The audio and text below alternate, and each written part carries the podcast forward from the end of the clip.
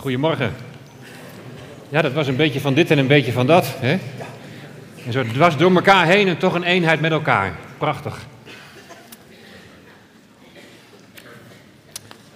Ik wil graag uh, bidden voor de woordverkondiging.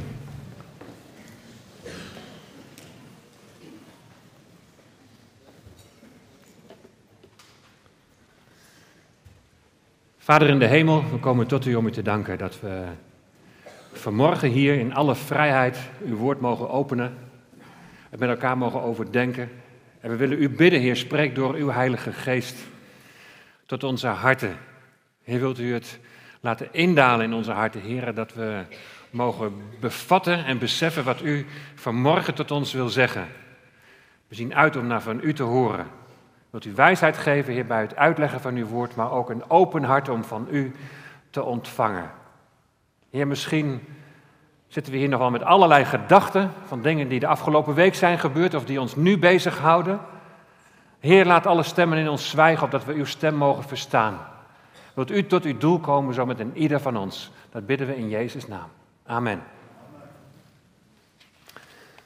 Ja, vanmorgen maar twee versen. En het gaat over de gelijkenis van het mosterdzaad uit Matthäus hoofdstuk 13, vers 31 en 32. En Jezus die vertelt in Matthäus 13 zeven gelijkenissen. En eentje is de gelijkenis van het mosterdzaad. Laten we samen lezen Matthäus 13, vers 31 en 32.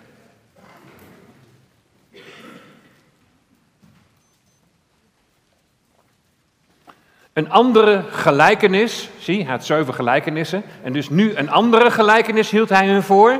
En hij zei, het koninkrijk der hemelen is gelijk aan een mosterdzaad. Dat iemand nam en in zijn akker zaaide.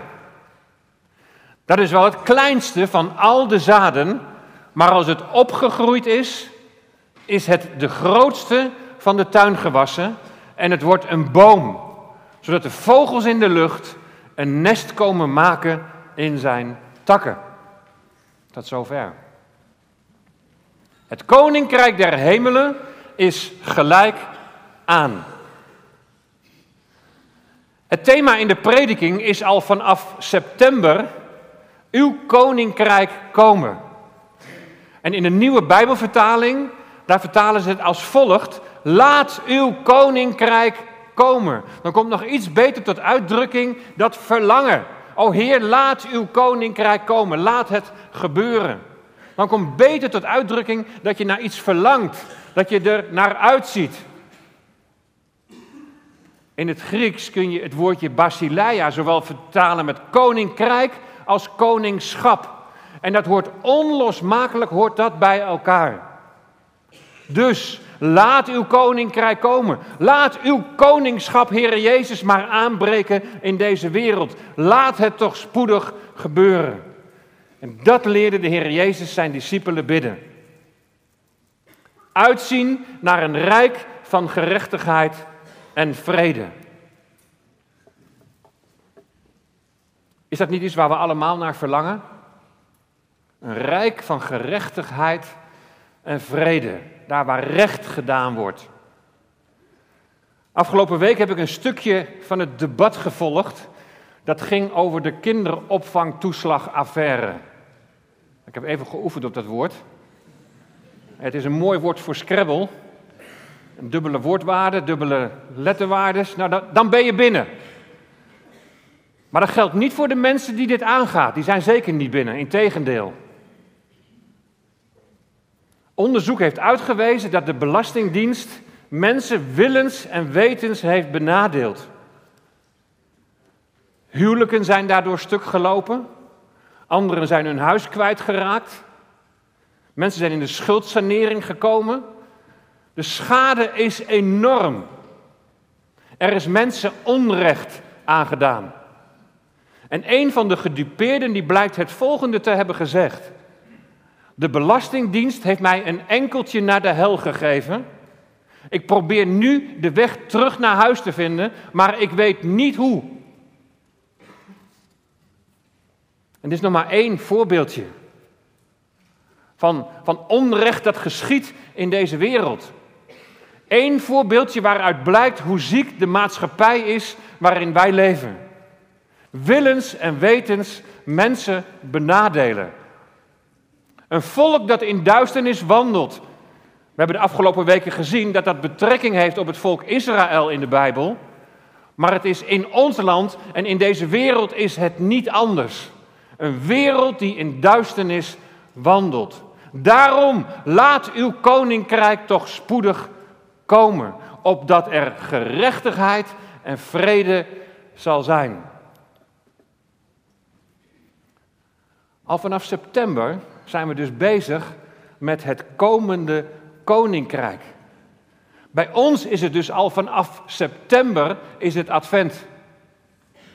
Want advent betekent komst. Daarom ga ik in deze door de Oosters-orthodoxe kerk bedachte adventsperiode, ga ik gewoon door met de betekenis van het koninkrijk aan de hand van het Matthäus-evangelie. En ik geef voor de mensen die het allemaal niet hebben gevolgd even heel kort een samenvatting tot waar, over waar we het tot nu toe hebben gehad.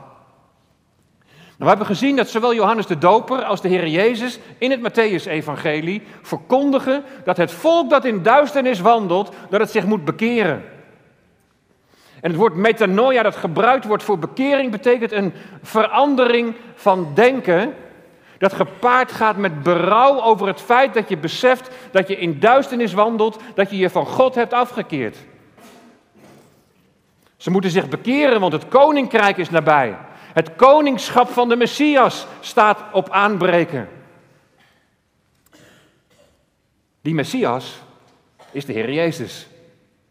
Hij is immers de zoon van David, zoals blijkt uit het geslacht, uit het geslachtsregister in Matthäus 1. De belofte was dat uit Davids nageslacht een heerser zou komen over Israël. Die een koninkrijk van gerechtigheid en vrede zou stichten, met Jeruzalem als centrum. Nou, voor het ingaan in dat koninkrijk moeten mensen zich laten dopen. Door Johannes de Doper. Een doop van bekering waarbij ze hun zonde beleiden. Reiniging ter voorbereiding op het ingaan in het nieuwe koninkrijk. En de mensen die Jezus zo opzochten en hem achterna liepen, die waren onder de indruk van, van de wonderen en de tekenen die hij deed. Ze waren onder de indruk dat hij zieken genas en dat hij demonen uitdreef. Maar in Johannes 4, vers 48 verwijt Jezus het volk dat ze alleen maar op, uit zijn op zijn tekenen en wonderen, op sensatie. Ja, het was helemaal in de lijn van, van alles uitproberen op occult vlak en afgoderij. Een beetje van dit en een beetje van dat. Maar weet je wat echt zalig maakt? Weet je wat echt gelukkig maakt? En Jezus die legt dat uit in de bergreden door de zaligsprekingen. Zalig betekent gelukkig. Zalig zijn de armen van geest, zegt Jezus. Arm van geest betekent dat jij je geestelijke armoede inziet. Je ziet in dat je in duisternis leeft. En daarover treur je. Zalig zijn de treurenden, zegt dan de Heer Jezus. Want dit maakt zalig, zegt hij. Dit maakt gelukkig, omdat je inziet dat dit het begin van het herstel van je relatie met God is. Wat Jezus verder in de zaligsprekingen duidelijk maakt, is dat Hij en degenen die Hem volgen een weg van smaad en vervolging zullen gaan. Geen voorspoed, geen, geen rijkdom. Nou, we gaan vanmorgen van Matthäus 5 een sprong maken dus naar Matthäus hoofdstuk 13. En nog steeds moet je dus alles lezen in die context van, van de verwachting van een komend aardskoninkrijk met de Messias als koning. Nou, wij weten nu dat zij die koning zullen afwijzen. Dat daardoor het koninkrijk wordt uitgesteld. En dat het koninkrijk in die tussentijd iets van, van een verborgenheid, een, een geheimenis wordt in de aanwezigheid van de gemeente in deze wereld. Maar zover is het hier nog niet. Als je Matthäus leest, als je de evangelie leest, moet je er nog steeds van uitgaan van de verwachting van het komende aardse koninkrijk op dat moment. In Matthäus 13 vertelt de Heer Jezus dus zeven gelijkenissen. En deze gelijkenissen in Matthäus 13, die zijn echt een sleutelgedeelte wat betreft de visie op het koninkrijk. Er werd net iets even gezegd over strijd, over dingen die allemaal niet lekker liepen. Er is ongelooflijk veel strijd. Ik ervaar enorm veel strijd. En dat kan me echt bewogen maken.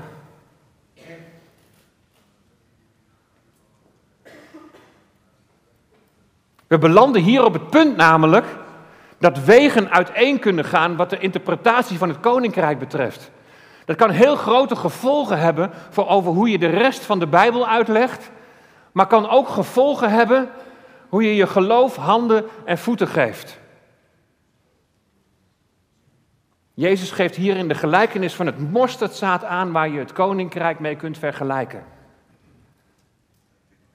Vaak wordt het uitgelegd zoals bijvoorbeeld in Leidraad, een leesrooster van IBB. Dat lees ik zo even voor. Zo denken heel velen erover trouwens. En dan leggen ze het als volgt uit. Een mosterdzaadje is heel klein. Millimeter, twee millimeter. Maar moet je eens zien zoals het gewas volgroeid is. Kan wel drie meter hoog worden. Dan is het zo groot geworden als een boom. En zo is Gods koninkrijk. Het begon heel klein in de persoon van de Heer Jezus. En wanneer het volgroeid is, dan zal dit rijk zijn als een grote boom, waarin alle volken als vogels tussen de takken een schuilplaats kunnen vinden. Hier zie je dus bij de IBB, maar ook bij heel veel andere uitleggers, al een heenwijzing naar de gemeente van de Heer Jezus Christus. De volken die een schuilplaats vinden in de boom. En bij deze uitleg wordt alleen maar gedacht aan een positieve groei. En de redenering is als volgt. Het koninkrijk is in de Heer Jezus in die tijd al aanwezig. En is nu in zijn gemeente aanwezig. En het groeit en het groeit en het groeit. Totdat het volgroeid is en dan zal Jezus komen. Een positieve lijn omhoog dus. Het koninkrijk breidt zich op een positieve manier uit.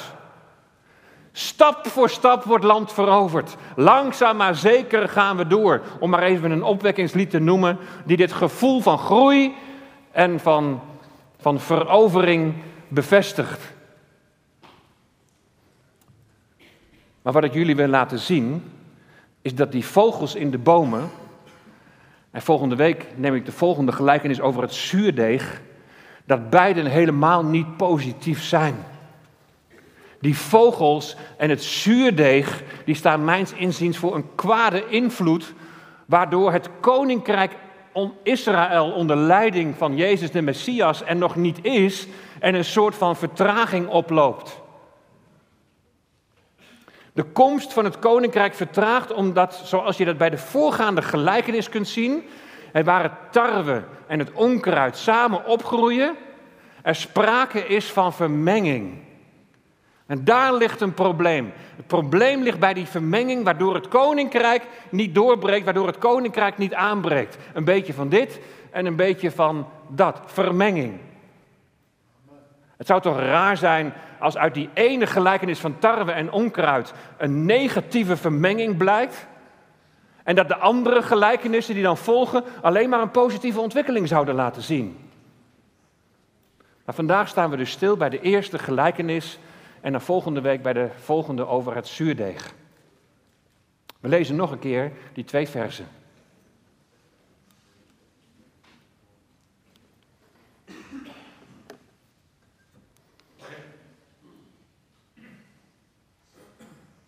Volgens mij wordt achter ook gestuurd, maar. Een andere gelijkenis hield hij hun voor.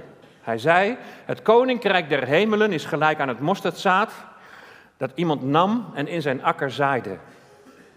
Dat is wel het kleinste van al de zaden. Maar als het opgegroeid is, dan is het grootste van de tuingewassen en het wordt een boom, zodat de vogels in de lucht een nest komen maken in zijn takken. Er wordt iets in de akker gezaaid. En de akker die staat doorgaans beeld voor de wereld. Er gebeurt dus iets hier op aarde. En houd in je achterhoofd dat op aarde een koninkrijk gevestigd zal worden. En dat een nakomeling uit het geslacht van David zal regeren over Israël. Wat is dan de betekenis van dat mosterdzaad? Dat is iets wat in de aarde is gezaaid, in de aarde wordt gevonden als het kleinste der zaden, maar wat zal uitgroeien tot een grote boom. Het is het kleinste van al de zaden. Zo was het ook met Israël. God beloofde Abraham een groot volk. In Genesis 15, vers 5 zei God tegen hem: Kijk toch naar de hemel en tel de sterren, als u ze kunt tellen. En hij zei tegen hem: Zo talrijk zal uw zaad zijn.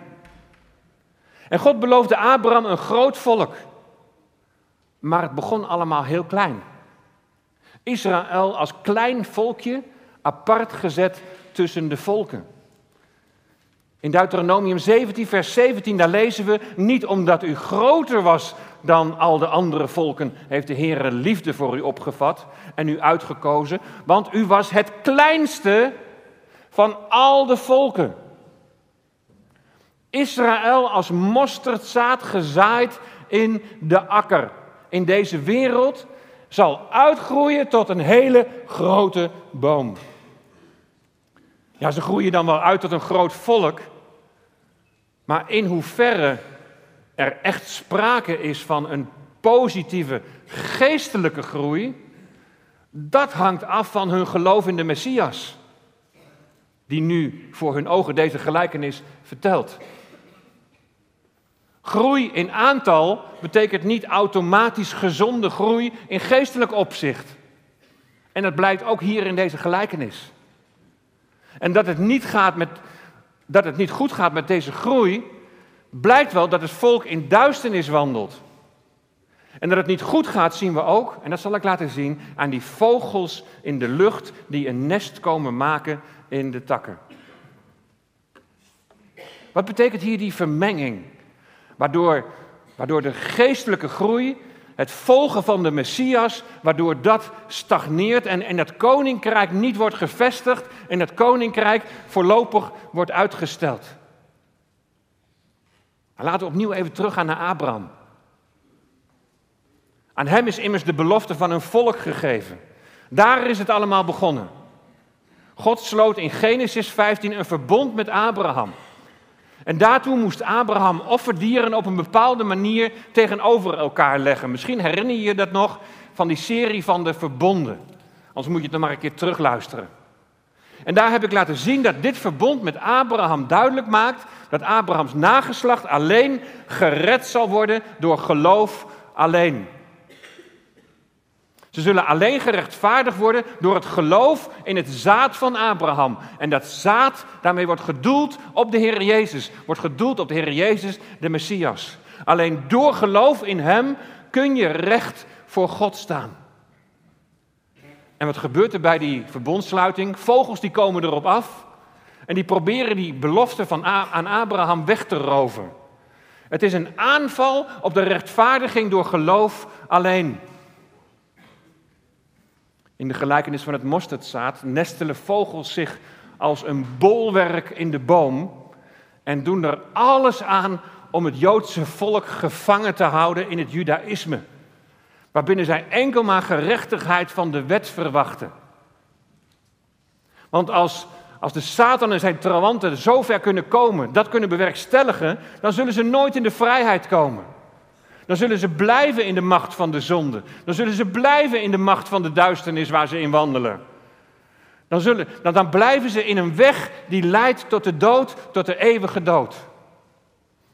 En als je ook kijkt naar die vogels in de context van de gelijkenissen, bijvoorbeeld de gelijkenis van de zaaier, dan zie je al dat het helemaal niet positief wordt geduid. De vogels die het zaad dat bij de weg gezaaid werd wegpikten, dat waren instrumenten van Satan. Israël, Gods volk, ze wandelen in duisternis. Er gaat dan wel een groot licht op. De Heer Jezus, de Messias, komt, maar ze zullen Hem niet erkennen als zodanig. De groei wordt verstoord door vermenging. Het koninkrijk breekt niet door. Ze blijven hangen in duistere praktijken. Ze blijven hangen in gerechtigheid verwachten van de wet. Ze ontwikkelen hun eigen spiritualiteit. Een beetje van dit en een beetje van dat. De wonderen en tekenen die staan ze wel aan, omdat ze wel openstaan voor het bovennatuurlijke. Alleen ze putten tegelijkertijd uit een verkeerde bron. De fariseeën leggen het volk op dat ze gerechtigheid van de wet moeten verwachten. Wel heel religieus, maar je moet het zelf verdienen. Het is allemaal uiterlijk vertoon. Vogels nestelen zich in de boom en zaaien verwarring. Halve waarheden. Een beetje van dit en een beetje van dat. En dat is de grote lijn die je in alle gelijkenissen weer terugziet. Gerechtigheid van de wet blijven verwachten. Geen volledige overgave aan Jezus de Messias. Je ziet het ook in heel veel brieven in het Nieuwe Testament weer terugkomen. Diezelfde strijd, een beetje van dit en een beetje van dat, maar niet die volledige overgave aan de Heer Jezus Christus. Daar ligt het probleem, vermenging. Nou, ik zei al dat hier de wegen uiteen kunnen gaan wat uitleg van het koninkrijk betreft. En om dat te illustreren, wil ik jullie iets uitleggen over de zogenaamde Kingdom Now of Koninkrijk Nu theologie. Even voor mijn beeld. Het is helemaal geen schande, maar wie heeft daar nog nooit van gehoord? Dit is een zeer invloedrijke stroming op dit moment die over alle continenten van de wereld waait. Men denkt zelf het koninkrijk van God op aarde te kunnen verwezenlijken. Daarna zal Jezus alsnog worden uitgenodigd om de leiding van dat koninkrijk op zich te nemen. Het is één grote geestelijke misleiding. Kingdom Now, Koninkrijk Nu, beweert dat we nu al kunnen heersen over deze aarde met de autoriteit van Christus. Wij zouden de macht hebben de koninkrijken van deze wereld te overwinnen. En een leiderschap van nieuwe apostelen en profeten zal daarin voorgaan. En ik zie ook in toenemende mate dat mensen zich profeet en apostel noemen. De kerk, zo wordt geleerd, moet opnieuw claimen wat Adam verloren heeft aan Satan, namelijk zijn gezag en zijn autoriteit over deze aarde. En de manier om dat te doen is geestelijke oorlogsvoering. En dit wordt wel gedaan door het zogenaamde spiritual mapping. Wat inhoudt dat geestelijke machten boven een bepaald gebied of land dan in kaart gebracht moeten worden. En daarna worden deze machten bestreden door de geestelijke legers. Gebedswandelingen worden ingezet om deze gebieden te veroveren voor het koninkrijk. En de voortrekkers van deze beweging, die spreken ook regelmatig over een speciale zalving die ze hebben en die ze weer door moeten geven aan anderen. En ik weet, binnen die stromingen zijn ook weer allerlei variaties, van heel gematigd tot heel extreem. Maar het komt erop neer dat we hard aan het werk moeten. Dat wij een strijd moeten voeren om deze wereld te veroveren voor Jezus. Zij leggen deze gelijkenis over het mosterdzaad ook positief uit. Met een stijgende lijn. En op het hoogtepunt, dan komt de Heer Jezus. Veelal wordt geleerd dat in die verovering van de aarde de Heer je zal zegenen met voorspoed, met welvaart, met garantie op genezing. Is dat wat de Bijbel ons leert? Maar op dit moment, dat zijn steeds weer nieuwe golven en nieuwe bewegingen en nieuwe organisaties. Maar wat op dit moment een hele, waar een hele grote invloed van uitgaat, is de Battle Church in Redding in Californië. En hun credo is: gelijk in de hemel, zo ook op de aarde. Daarmee bedoelen ze, daarmee leggen ze de nadruk erop op bovennatuurlijke ervaringen nu. Garantie op genezing en voorspoed. Ze hebben een Bible College dat heet Battle School of Supernatural Ministry. School voor bovennatuurlijke bediening. Misschien heb je wel eens gehoord van Battle Music. Dat komt niet uit Drachten, maar dat komt uit Reading. En na Hillsong is dit nu weer helemaal een hype. En ze weten hun liederen over de hele wereld weg te zetten. En sommige liederen zijn prachtig. Maar er zijn ook liederen die helemaal deze Kingdom Now Koninkrijk Nu theologie uitademen. Oh ja, natuurlijk. God geeft bovennatuurlijke gaven, die wij gaven van de geest noemen. Hij schenkt die gaven op dat moment dat hij het nodig acht. En sta open om te ontvangen. Oh ja, natuurlijk bidden we voor genezing als iemand ziek is. En ook brengen we Jacobus 5, waar de oudsten worden geroepen om de zieken te zalven, brengen we in de praktijk. Natuurlijk getuigen wij in onze omgeving van de levende Heer die die zonde vergeeft en ons wil veranderen naar zijn beeld en ons eeuwig leven schenkt. Maar verbind daar geen zekerheid van genezing aan. Claim die genezing niet bij God, omdat hierdoor zichtbaar zou worden dat wij het koninkrijk aan het vestigen zijn. Vergis je niet wat voor invloed deze beweging heeft op de inhoud van liederen en op verschillende gebedsmethoden die hun bron hebben in Oosterse meditatietechnieken. Contemplatief gebed, ook wel ademgebed genoemd.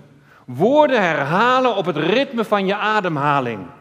Het is een ontledigingstechniek die bekend is uit de Oosterse godsdiensten.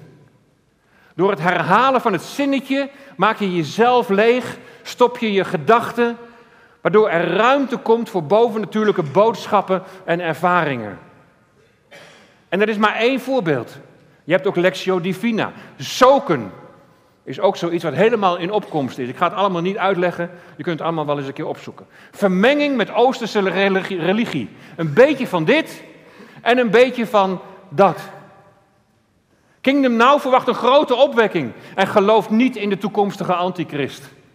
Men gaat ervan uit dat het op deze aarde steeds beter en steeds beter en steeds beter zal gaan. Wij verwezenlijken immers het koninkrijk en beschikken over de autoriteit van het koninkrijk.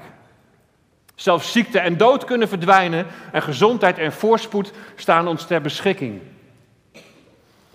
Zij zien zichzelf net als bij de vervangingstheologie als het nieuwe Israël. Daarom krijg ik ook een hele andere uitleg over het koninkrijk, logisch. De grote verdrukking zal al hebben plaatsgevonden met het hoogtepunt in 70 na Christus, toen Jeruzalem werd verwoest. Maar de boodschap van de Bijbel is anders. Het koninkrijk komt absoluut. Maar het zijn niet onze inspanningen die dit tot stand brengen. Het beeld dat de Bijbel schetst van de toekomst tot de wederkomst van de Heer Jezus is zeker geen hemel op aarde. Er wordt gesproken over afval van het geloof. Er wordt gesproken over verdrukking en over vervolging. Aardbevingen, hongersnoden, verkilling van de liefde, oorlogen en geruchten van oorlogen. En kijk maar eens om je heen naar alle huidige ontwikkelingen in deze wereld. Maar moeten wij dan maar met onze handen over elkaar gaan zitten en wachten totdat de Heer Jezus komt? Nee, absoluut niet. Wij moeten intussen staan voor recht en gerechtigheid. Door dit allereerst zelf voor te leven en daarnaast ook ongerechtigheid aan de kaak te stellen, door al iets te laten zien van het komende koninkrijk dat gaat komen. En mooi dat, dat Dirk van den Broek na protesten het belachelijk maken van de Heer Jezus, die een meisje zou zijn, offline heeft gehaald. Dat is gerechtigheid. Ook is het onze roeping om de boodschap van het evangelie te delen met de mensen om ons heen. Om, om te delen van wat in ons hart leeft. We mogen bidden om de gave van de geest. Verwachtend dat God wonderen kan doen naar geest, ziel en lichaam. Maar alles in afhankelijkheid van Hem, die soeverein is en zelf beslist hoe het een en ander zal gaan en verlopen en hoe Hij zal verhoren. Die we wel mogen herinneren aan Zijn belofte, waarop wij in geloof uitspreken dat wij erop vertrouwen dat Hij Zijn beloften ook zal houden. Maar dan moeten we de beloften die Hij doet, die moeten we wel recht verstaan. En we moeten weten op wie deze beloften dan betrekking hebben. En in welke tijd dat was. Waarom nou zo afgeven op een beweging als Kingdom Now?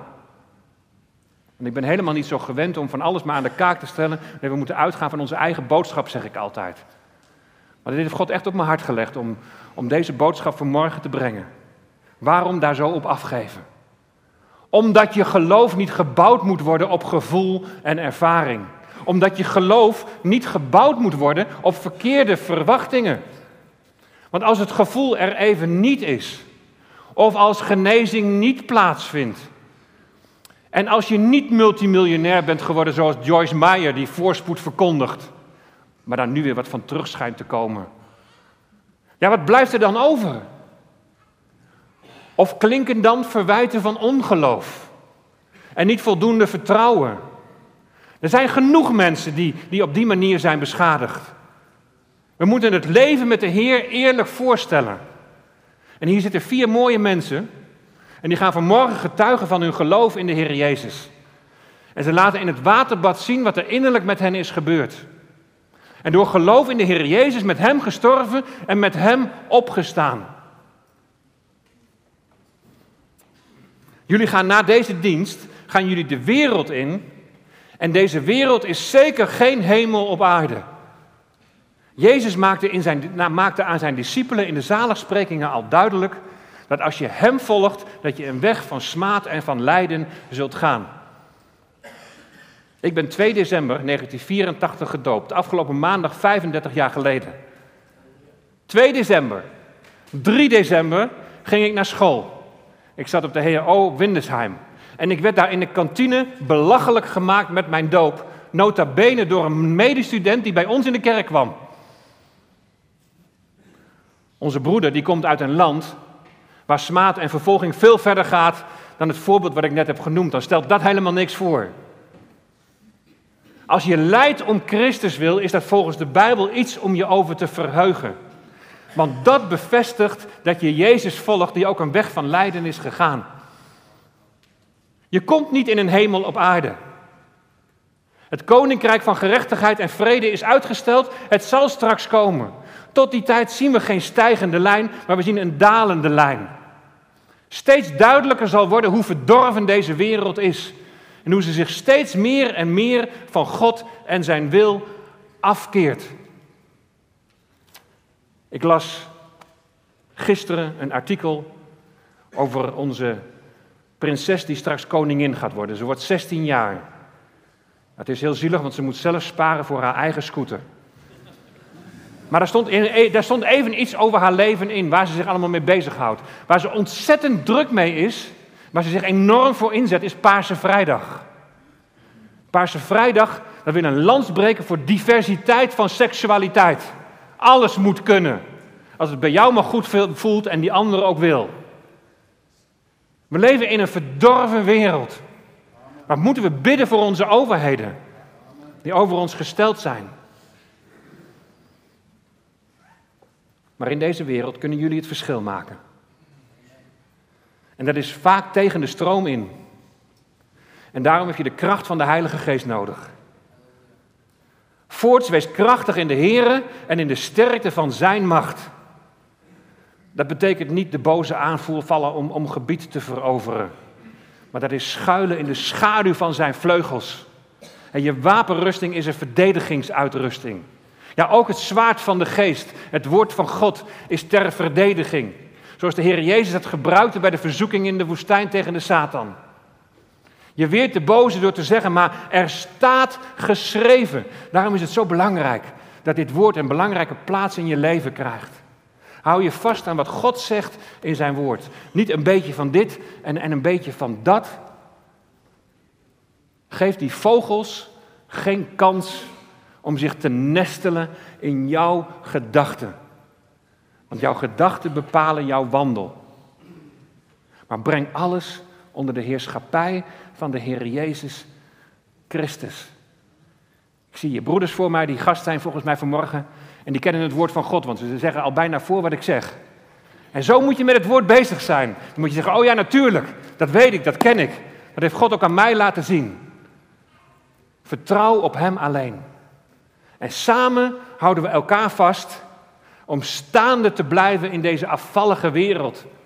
En om te onderscheiden wat van Hem is en wat niet van Hem is. Wat Hij in jullie is begonnen, zal Hij voleindigen. En hij zal tot doel komen met deze wereld.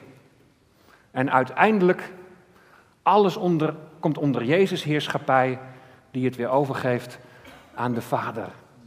En dan zal er recht en gerechtigheid zijn.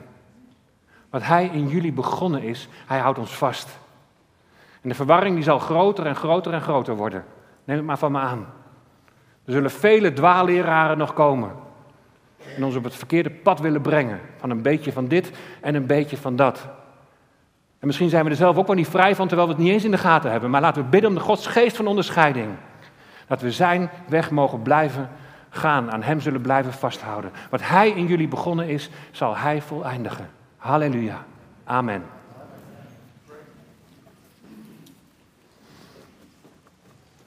Laten we samen bidden. Almachtige God en Vader. We hebben net gezongen, Jezus alleen. Ik bouw op Hem. En Heer, als we uw woord zo lezen, dan zien we al bij uw volk voortdurend die vermenging. We zien het bij de Galaten. Paulus ook zegt, wie is u in de weg gekomen?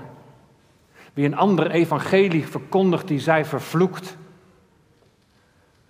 We zien het in de Hebreeën. Er moet weer uitgelegd worden wat die offerdienst nou eigenlijk betekende en dat het volbracht is in het offer van de Heer Jezus, omdat ze steeds weer terug willen naar het oude. Heer, we zien de invloed van allerlei Oosterse godsdiensten en, en, en technieken en dergelijke. We kunnen het haast niet bijhouden. Heer, geef ons onderscheidingsvermogen. Heer, er is ook een gave van uw geest, Heer, om geestelijk te kunnen onderscheiden. We hebben het nodig, zo in deze tijd. En geef, Heer, dat we elkaar mogen vasthouden. Dat we samen ons mogen richten op U. En U zullen volgen, Heer Jezus, in alles. Leid ons zo, houd ons vast. Niet een beetje van dit, maar een beetje van dat, maar volledige overgave aan U, Heer Jezus. U brengt ons veilig thuis. Halleluja. Amen.